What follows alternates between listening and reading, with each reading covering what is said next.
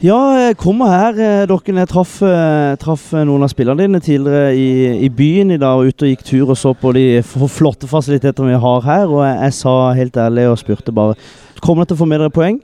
Da fikk jeg svar ja, dette her skal vi vinne.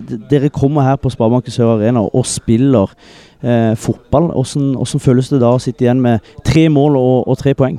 Nei, Når vi først kommer til Sørlandet, som har makrellfotballen, så må vi jo prøve å, å I hvert fall stedet for å spille eh, fin fotball. Og det syns jeg jo de øh, synes jeg jo vi gjør øh, i, store deler av kampen. Jeg syns vi har mange gode angrep som er mynta på hvordan vi ønsker å spille fotball. og Da får vi gjenkjennbarhet i det, og det gir jo sjøltillit. Eh, Nå har vi så langt i år slitt med å øh, omsett en god del godt angrepsspill til, til sjanser og mål. Så at vi fikk uh, bra utløp for det her i dag, uh, syns jeg er fullt fortjent, for å være helt ærlig. Og eh, eh, Ja, Henrik, skulle du si noe? Ja, jeg lurer på liksom, Dere, dere går inn her, og dere sier er jo offensive, men hva er det dere har hva, Hvordan var kampplanen deres før kamp?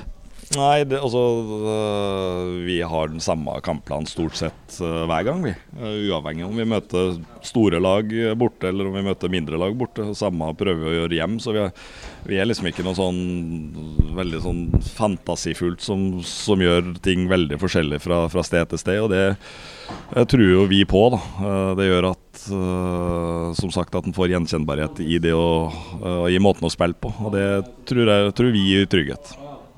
Det er jo, Hvis du ser på tabellen eh, før denne kampen, her, så var det jo i prinsippet ingenting som tyder på at, eh, at det skulle skje. Men vi vet jo at alt eh, kan skje i fotball. Hvor, hvor, hvor boost for din spillergruppe nå av denne seieren?